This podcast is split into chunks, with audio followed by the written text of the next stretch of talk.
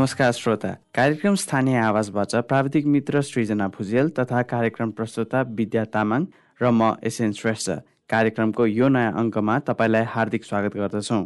कार्यक्रम स्थानीय आवाज तपाईँले हरेक दिन ठिक साँझ साढे सात बजेबाट आधा घन्टा रेडियो क्यान्डिड बयानब्बे दशमलव सात मेगा हर्जमा हाम्रो website W W W dot radio candid dot कममा हाम्रो आधिकारिक फेसबुक पेजमा रेडियो क्यान्डिडको एप्स डाउनलोड गरेर र पोडकास्टमा समेत सुन्नु सक्नुहुन्छ। आजको कार्यक्रममा हामीले प्रदेश नम्बर एकको इलाम जिल्लामा अवस्थित सूर्योदय नगरपालिकाको चिनारी र यस नगरपालिकाका उपमेयर दुर्गादेवी भट्टराईसँग कुराकानी गर्दैछौँ। श्रोता सूर्योदय नगरपालिका प्रदेश नम्बर एकको इलाम जिल्लामा अवस्थित छ। नयाँ संविधानले स्थानीय तहको व्यवस्था गरेपछि स्थानीय तह पुनर्संरचना आयोगले दुई हजार त्रिहत्तर सालमा गाविसहरू गोर्खे पशुपति नगर श्री अन्तु र समालबुङ तथा लक्ष्मीपुर गाविसको ओडा नम्बर पाँच बाहेकको क्षेत्र र जोगमाईको ओडा नम्बर आठ र नौ मिलाएर नयाँ सूर्योदय नगरपालिकाको नामाङ्करण गरिएको हो। यो नगरपालिका दुई सय पच्चिस दशमलव पाँच दुई वर्ग किलोमिटरमा फैलिएको छ। मेची राजमार्ग पनि यही नगरपालिका भएर पार हुने गर्दछ। पश्चिममा इलाम नगरपालिका उत्तरमा माई जोगमाई गाउँपालिका दक्षिणमा रोङ गाउँपालिका र पूर्वमा भारतको पश्चिम बङ्गाल राज्य अन्तर्गत दार्जिलिङ जिल्लाको छेकेको सूर्योदय नगरपालिकाको केन्द्र फिक्कल बजार तोकिएको छ। यो इलामका पुराना बजार मध्ये एक हो र हालमा पनि पूर्वी इलामको मुख्य व्यापारिक केन्द्रका रूपमा रहेको छ। यहीँबाट पशुपति नगरतर्फको सडक छुटिन्छ। यो नगरपालिका चिया अलैची दुध आलु लगायतका नगदे बालीका लागि प्रख्यात छ। देशको एकमात्र अलैची विकास केन्द्र पनि यसै नगरमा पर्दछ। आर्थिक सामाजिक सांस्कृतिक शैक्षिक तथा पर्यटन विकास सँगसँगै हुन सक्ने सहरीकरणलाई व्यवस्थित गरी आधुनिक शैलीको व्यवस्थित नगर विकास योजना निर्माण गरी सीमित आर्थिक र सामाजिक स्रोत र सक्षम स्थानीय निकायका रूपमा सहरी व्यवस्थापनलाई प्रवर्धन गर्ने उद्देश्यका साथ प्रारम्भिक चरणमा प्रवेश गरेको छ। प्राकृतिक सुन्दरता र सांस्कृतिक तथा पर्यटनलाई प्रवर्धन गर्ने क्रममा यस नगरपालिका स्थित कन्याम उपयुक्त गन्तव्यको रूपमा रहेको छ जहाँ मनोरम चिया बगान सूर्योदय सूर्यास्त सुन्दर हरियाली डाँडा काँडा हिम श्रृङ्खला र तराईका फाँटहरू रमणीय प्राकृतिक सौन्दर्यले भरिपूर्ण दृश्य अवलोकन गर्न पाउनु पनि आफैमा गौरवान्वित महसुस हुन्छ। विभिन्न जाति धर्म वर्ग पेसा व्यवसाय भएका मानिसहरूको बसोबास रहेको यस नगरपालिकामा थुप्रै सम्भावनाहरू रहेका छन्। एकातिर पर्यटकीय क्षेत्रका रूपमा कन्याम अवस्थित छ भने अर्कातिर श्री अन्तुर र पशुपति नगरले सौन्दर्य थपेको छ। लोपुन्मुख लेप्चा जातिको ऐतिहासिक स्थलको रूपमा पनि यस नगरपालिकाले आफ्नो छुट्टै पहिचान बोकेको छ। यस नगरपालिकाको पर्यटकीय स्थलका रूपमा कन्याम पञ्चकन्या मन्दिर गोर्खे श्री अन्तु चित्रे गुम्बा पशुपति नगर लगायतका विभिन्न ठाउँहरू प्रचलित रहेका छन् भने शिक्षा र खेलकुदको गन्तव्यको रूपमा करफोर पञ्चकन्या तथा औद्योगिक विकासको प्रशस्त सम्भावना पनि यस नगरपालिकामा रहेको छ। आज हामीले यसै नगरपालिकाका उपमेयर दुर्गादेवी भट्टराईसँग कुराकानी गरेका छौँ। उहाँलाई हामीले तपाईँको कार्यकालमा तपाईँको स्थानीय तहले पाएको सबैभन्दा महत्वपूर्ण उपलब्धि के हो भनेर सोधेका छौँ। यो सूर्य नगरपालिका चाहिँ एउटा पर्यटकीय नगरी हो। र यो पर्यटकीय नगरी भएको यो नगरपालिकामा पहिलो त यहाँका मान्छेहरूले एउटा सुशासनको महसुस गरेका छन् है। दोस्रो कुरा चाहिँ नागरिकहरूले पर्यटनसँग आफ्नो व्यवसायलाई जोड्न सफल भएका छन् र नागरिकहरू चाहिँ आत्मनिर्भरतर्फ उन्मुख भएका छन्। अब अरू विकास निर्माण तपाईँको चाहिँ पूर्वाधार विकासका कामहरू त छँदैछन्। तपाईँले ठ्याक्कै एउटा भन्नुहोस् त भन्दाखेरि मैले तपाईँलाई त्यो भने। पर्यटकीय क्षेत्रहरू चाहिँ आम्दानीको स्रोत बन्न सकिरहेको छ नि त? अहिले पर्यटकीय क्षेत्रहरू आम्दानीको स्रोत नै बनिरहेका छन् किनभने बन्ने क्रममा छन्। जति हुनु पर्थ्यो त्यति त छैन। तर पनि अहिले कम्तीमा पर्यटकीय क्षेत्रहरूको प्रवर्धन भइसके पछाडि त्यहाँका आसपासका नागरिकहरूले होटल होमस्टेहरू सञ्चालन गर्ने कोसेली घरहरू सञ्चालन गर्ने कामहरू गर्न थालिसकेपछि धेरै मान्छेहरू चाहिँ अहिले रोजगारीसँग रोजगारका रोजगार उन्मुख चाहिँ भएको देखिन्छ। विद्यालय शिक्षाको अवस्था चाहिँ कस्तो छ त? विद्यालय शिक्षाको अवस्था तपाईँको सामुदायिक विद्यालयलाई समाजले हेर्ने दृष्टिकोण जुन थियो आजभन्दा चार वर्ष अगाडि त्यसको तुलनामा अहिले सूर्योदय नगरपालिकाका सामुदायिक विद्यालयहरूको स्तर निकै माथि उठेको छ निकै माथि बढेको छ। र विद्यार्थी र अभिभावकको चाहिँ अहिले सामुदायिक विद्यालयतिर उहाँहरूको आकर्षण एकदमै धेरै बढेको छ। राम्रो छ। धेरै प्रगति भएको छ सामुदायिक विद्यालयहरू। विद्यालयमा बालबालिकाको बसाइको समयमा पनि वृद्धि भएको छ त? बसाइको समय तपाईँको विद्यालय सञ्चालन तपाईँको समयदेखि समयसम्म विद्यालयलाई चाहिँ निरन्तर रूपमा सञ्चालन गर्ने पठन पाठन गर्ने अतिरिक्त क्रियाकलापहरू गर्ने विद्यालय व्यवस्थापनको कक्षा कोठाहरूको सुधार गर्ने क्रियाकलाप भइसके पछाडि त विद्यार्थीको बसाइ त बढिहाल्यो नि। त्यति त्यति राम्रो भएको छ कि? अहिले धुलो रहित कक्षाहरू चाहिँ छन् हाम्रो विद्यालयमा सफा सुग्घर छ हाम्रा विद्यार्थीहरू भुइँमा बसेर पढ्नुपर्ने स्थिति छैन। हिजो हामी आउँदै गर्दाखेरि ब्ल्याकबोर्डबाट सुरु गरेका विद्यालयहरू अहिले इन्टरेक्टिभ बोर्डमा पुगेका छन् होइन? त्यो हिसाबमा विद्यालयहरूको चाहिँ एकदमै विद्यालय संस्था सामुदायिक विद्यालयहरू प्रति हेर्ने दृष्टिकोण एकदमै सकारात्मक छ र विद्यार्थीहरूको चाहिँ झुकाव अहिले सामुदायिक विद्यालयमा बढेको छ। स्वास्थ्य संस्था अस्पताल स्वास्थ्य चौकीको व्यवस्थापन चाहिँ कसरी स्वास्थ्य चौकीको कुरा गर्दाखेरि हामीसँग हामी निर्वाचित भएर आउँदै गर्दा हाम्रो क्षेत्रमा जम्मै पाँचवटा स्वास्थ्य चौकीहरू थिए स्वास्थ्य संस्थाहरू थिए। हामीले घोषणा पत्रैमा के उल्लेख गरेका थियौँ भने हाम्रा अब एक वार्ड एक स्वास्थ्य चौकी निर्माण गर्ने र ती स्वास्थ्य चौकीबाट नागरिकलाई कम्तीमा पनि आधी घन्टाको चाहिँ यात्रामा उहाँ चाहिँ स्वास्थ्य सेवामा आइपुग्न सक्ने गरी चाहिँ काम गर्ने भन्ने हाम्रो उद्देश्य थियो। अहिले हामीले चौधवटा वार्ड हुन् हाम्रा तेह्रवटा वार्डहरूमा स्वास्थ्य संस्था निर्माण गर्ने र त्यहीँबाट चाहिँ सेवा प्रवाह सुरु गरिसकेको स्थिति छ।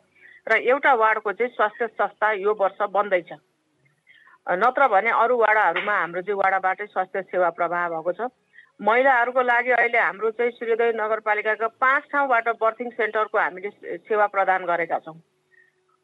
चाहिँ बच्चा जन्माउन महिलाहरूलाई गाह्रो हुने अस्पतालसम्म उहाँहरूको पहुँच नपुग्ने धेरै कठिन खेप्नु पर्ने देखिसके पछाडि हामीले हाम्रा भएका स्वास्थ्य चौक चौकीहरूमा नै बर्थिङ सेवासहितको स्वास्थ्य संस्था चाहिँ अहिले हामीले पाँच ठाउँबाट चाहिँ बर्थिङ सेवासहित सेवा दिन सुरु गरिसकेका छौँ। अनि स्वास्थ्यमा जनशक्ति पर्याप्त छ त? अहिले हामीसँग जनशक्ति पर्याप्त छ। हामीसँग दरबन्दीहरू जति प्राप्त गर्नुपर्ने हो त्यति दरबन्दी छन्।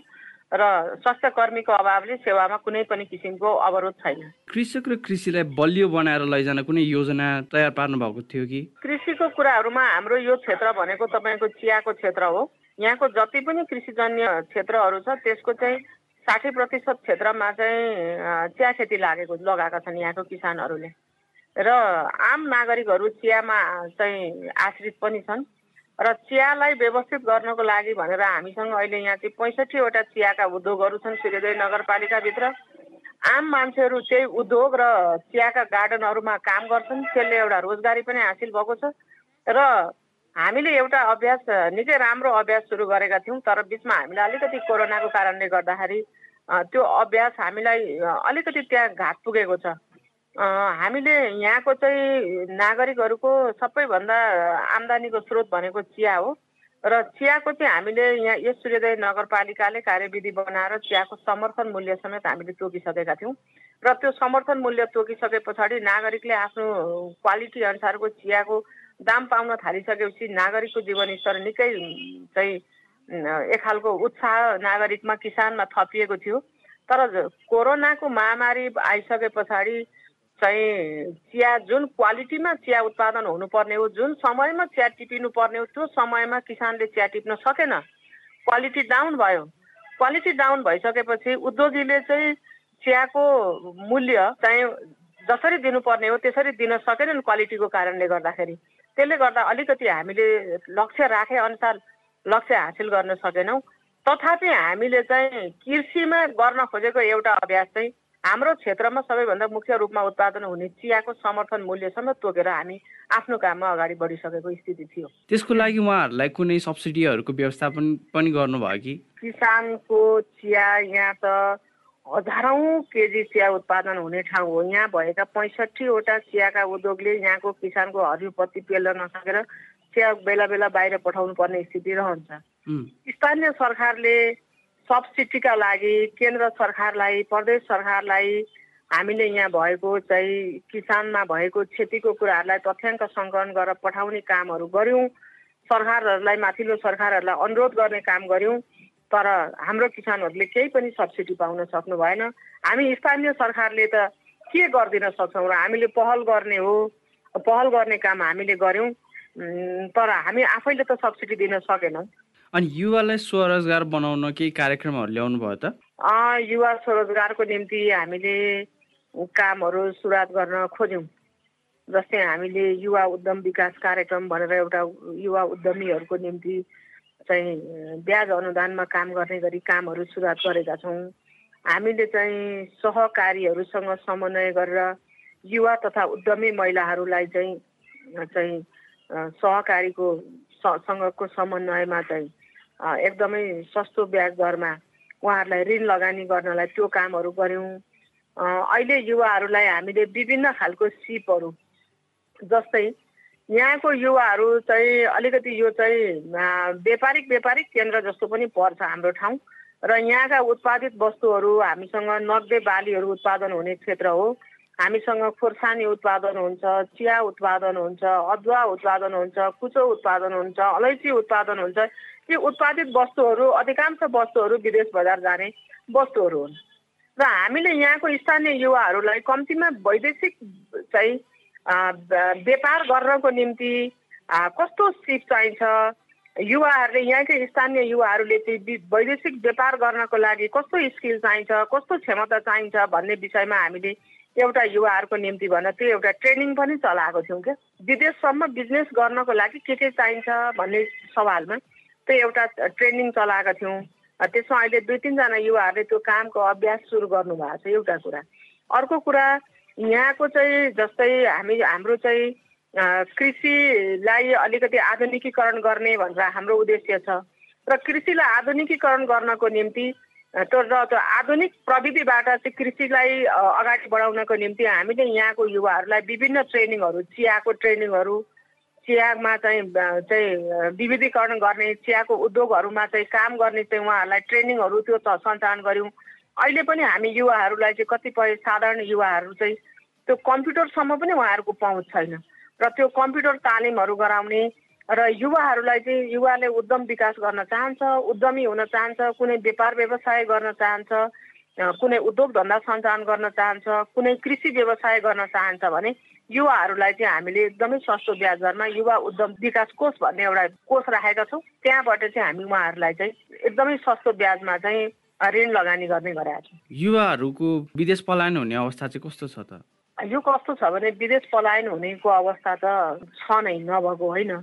तर विदेश पलायन हुने अवस्था हुँदाहुँदै भए पनि हामीले अहिले के गरेको छौँ भने हामीले यो अहिले चाहिँ यो स्विस सरकारले सञ्चालन गरेको एउटा सामी परियोजना भन्ने एउटा कार्यक्रम छ। त्यो सामी परियो त्यो कार्यक्रम अहिले हामीले नगरपालिका र त्यो परियोजनाको बिचमा चाहिँ हामी सम्झौता गरेर काम गरिरहेका छौँ।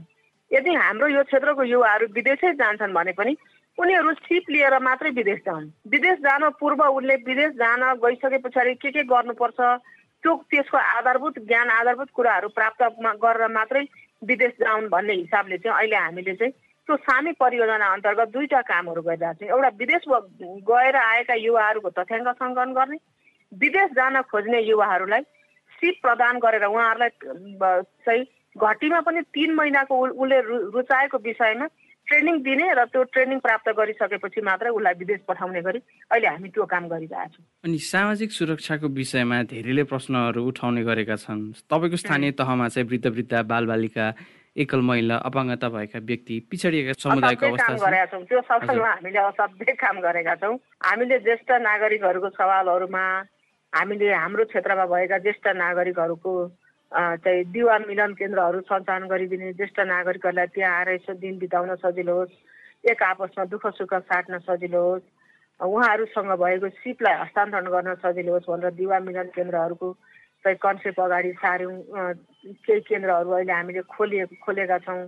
त्यहाँ पनि आएर ज्येष्ठ नागरिकहरू चाहिँ दिनहरू बिताइरहनु भएको छ। ज्येष्ठ नागरिकहरूको त्यो सामाजिक सुरक्षा नेपाल सरकारले चाहिँ पठाएको सामाजिक सुरक्षाहरू चाहिँ पहिले पहिले व्यक्ति व्यक्तिले लिएर जाने र घर घरमा लगेर बाँड्ने घरका परिवारको सदस्यले भेटाए उसैले चाहिँ चिप्ल्याइदिने खाइदिने अथवा त्यो कर्मचारीले बाटैमा त्यो पैसा हराइदिने नपुर्याइदिने विभिन्न खालका थियो अहिले हामीले सबै त्यो ब्याङ्क मार्फत त्यो काम गरेका छौँ। एउटा कुरा।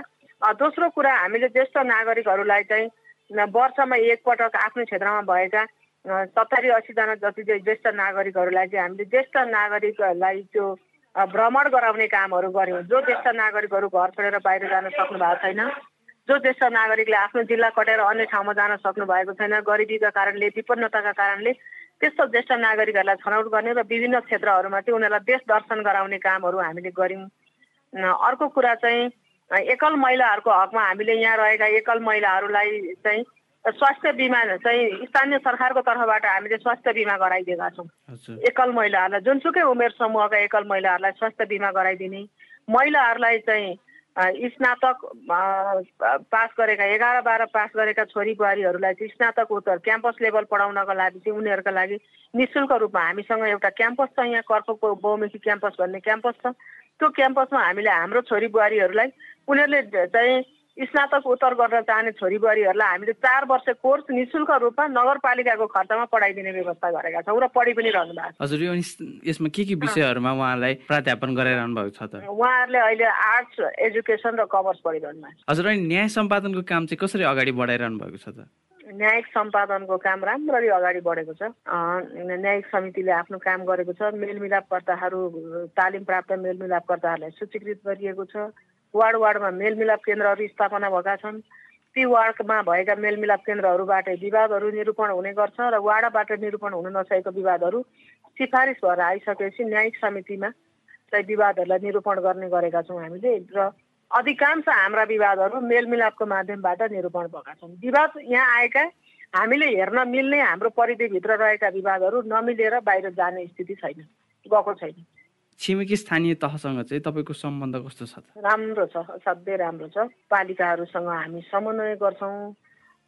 जुनसुकै कुराहरूमा काम गर्ने तपाईँ न्याय निरूपणका कुराहरू होस् करका दरका कुराहरू हुन् फोहोर मैला व्यवस्थापनका कुराहरूमा हामीले नजिकका पालिकाहरूसँग समन्वय गरेर कामहरू अगाडि बढाएको अवस्था छ। केही नयाँ योजनाहरू सँगै सहकार्य गरेर गर्ने त्यस्तो पनि गर्नुभयो कि? हामीले त्यसरी दुईटा पालिका जोड्ने सडकहरूको सवालहरूमा हामीले त्यसरी समन्वय गरेर काम गरेका छौँ। फोहोर मैला व्यवस्थापन गर्ने कुराहरूमा हामीले पालिकाहरू दुईटा पालिकाहरू बिचमा समन्वय गरेर कामहरू गर्ने गरेका छौँ।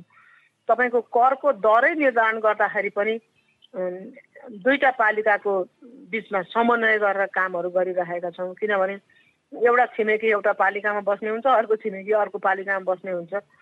त्यहाँ चाहिँ धेरै ठुलो अन्तर आयो भने ती ती एक खालको समस्या हुने भएकाले हामीले यस्ता कुराहरूमा समन्वय गरेर छलफल गरेर चाहिँ काम गर्ने गरे उपमेयरज्यू केन्द्र र प्रदेश सरकारसँग सम्बन्ध र सहयोग चाहिँ कस्तो छ त तपाईँहरूको?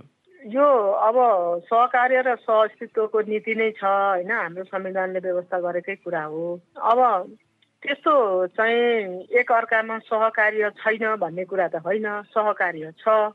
तर कतिपय कुराहरूमा अब हामीले राखेको अपेक्षा अथवा हामीले बुझ्न खोजेको हाम्रो बुझाइ र कहिलेकाहीँ चाहिँ माथिल्लो सरकारहरूको बुझाइमा अलिअलि फरक छ किनभने भर्खर भर्खर हामी सङ्घीयताको अभ्यास पनि गरिरहेका छौँ। त्यो कारणले गर्दा पनि होला कहिलेकाहीँ चाहिँ सहकार्य गर्ने भनेर गर्न खोजिन्छ तर त्यहाँ सह अस्तित्व नहुन खोज्दो रहेछ। त्यसले गर्दा कता कता अलिअलि समस्याहरू देखिन्छन् तर समग्रमा राम्रो छ। राम्ररी समन्वय सहकार्य भएरै काम अगाडि बढेको छ। अब अहिले हामी अभ्यासकै क्रममा भएको कारणले गर्दाखेरि पनि अब अहिले सबै हन्ड्रेड पर्सेन्ट नै सहकार्य सहअस्तित्व चाहिँ हामीले छ भनेर भन्न सक्ने स्थिति त छैनौँ। तथापि राम्रो छ। जुन कार्ययोजना बनाएर तपाईँहरूले कार्यकाल सुरु गर्नुभएको थियो त्यो सम्पूर्ण काम यो बाँकी अवधिमा कम्प्लिट होला त? कार्ययोजना हामीले बनाएका कुराहरू सबै कुरा कम्प्लिट हुन्छन् भन्ने त हुँदैन हेर्नुहोस्। योजना चाहिँ हाम्रा तिन खाले हुन्छन्। है। एउटा अल्पकालीन योजनाहरू छन् दीर्घकालीन योजनाहरू छन् मध्यमकालीन योजनाहरू छन्। अब हामीले अल्पकालीन योजनाहरू पुरा गर्दै पनि गरे पनि मध्यमकालीन र दीर्घकालीन योजनाहरू त त्यो त लामो चाहिँ लक्ष्य राखेर काम सुरु गरिएको हुन्छ। सबै कुरा अहिले नै पुरा हुन्छ यही पाँचै वर्षमा भन्ने होइन। तर हामीले गर्न थालेका कामहरू राम्रो अभ्यासका साथ सुरु गरेको छौँ। ती कामहरू भोलि चाहे जोसुकै आयो भने पनि त्यो कामलाई छोडेर अर्को नयाँ बाटो जाने हिसाबले हामीले कामहरूको सुरुवात गरेका छौँ। चाहे जोसुकै आए पनि त्यसलाई उसले भोलि अनुसरण गर्छ।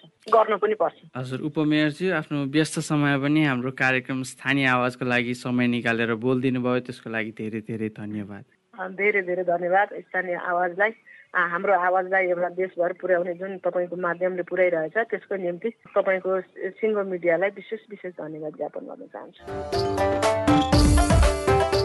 आजको कार्यक्रम स्थानीय आवाजमा हामीले प्रदेश नम्बर एकको इलाम जिल्लामा अवस्थित सूर्योदय नगरपालिकाको चिनारी र यसै नगरपालिकाका उपमेयर दुर्गादेवी भट्टराईसँगको कुराकानी राख्यौँ। कार्यक्रम सुनेपछि तपाईँलाई कुनै सुझाव दिन मन लागेको छ अथवा कुनै स्थानीय तहका प्रतिनिधिसँग कुराकानी गरिदिए हुन्थ्यो भन्ने चाहनुहुन्छ भने हामीलाई हाम्रो फेसबुक पेजमा मेसेज गर्नुहोस् अथवा कार्यक्रमको इमेल ठेगाना radio candid ninety two point seven at the rate Gmail dot कममा मेल गर्नुहोस्। उपयुक्त सुझावलाई हामी पक्कै ग्रहण गर्नेछौँ। कार्यक्रम सुनिदिनु भयो। तपाईँलाई धन्यवाद। हवस् त भोलि फेरि भेटौँला। सृजना भुजेल विद्या तामाङ र म एसएन श्रेष्ठ। बिदा भयौँ। नमस्कार।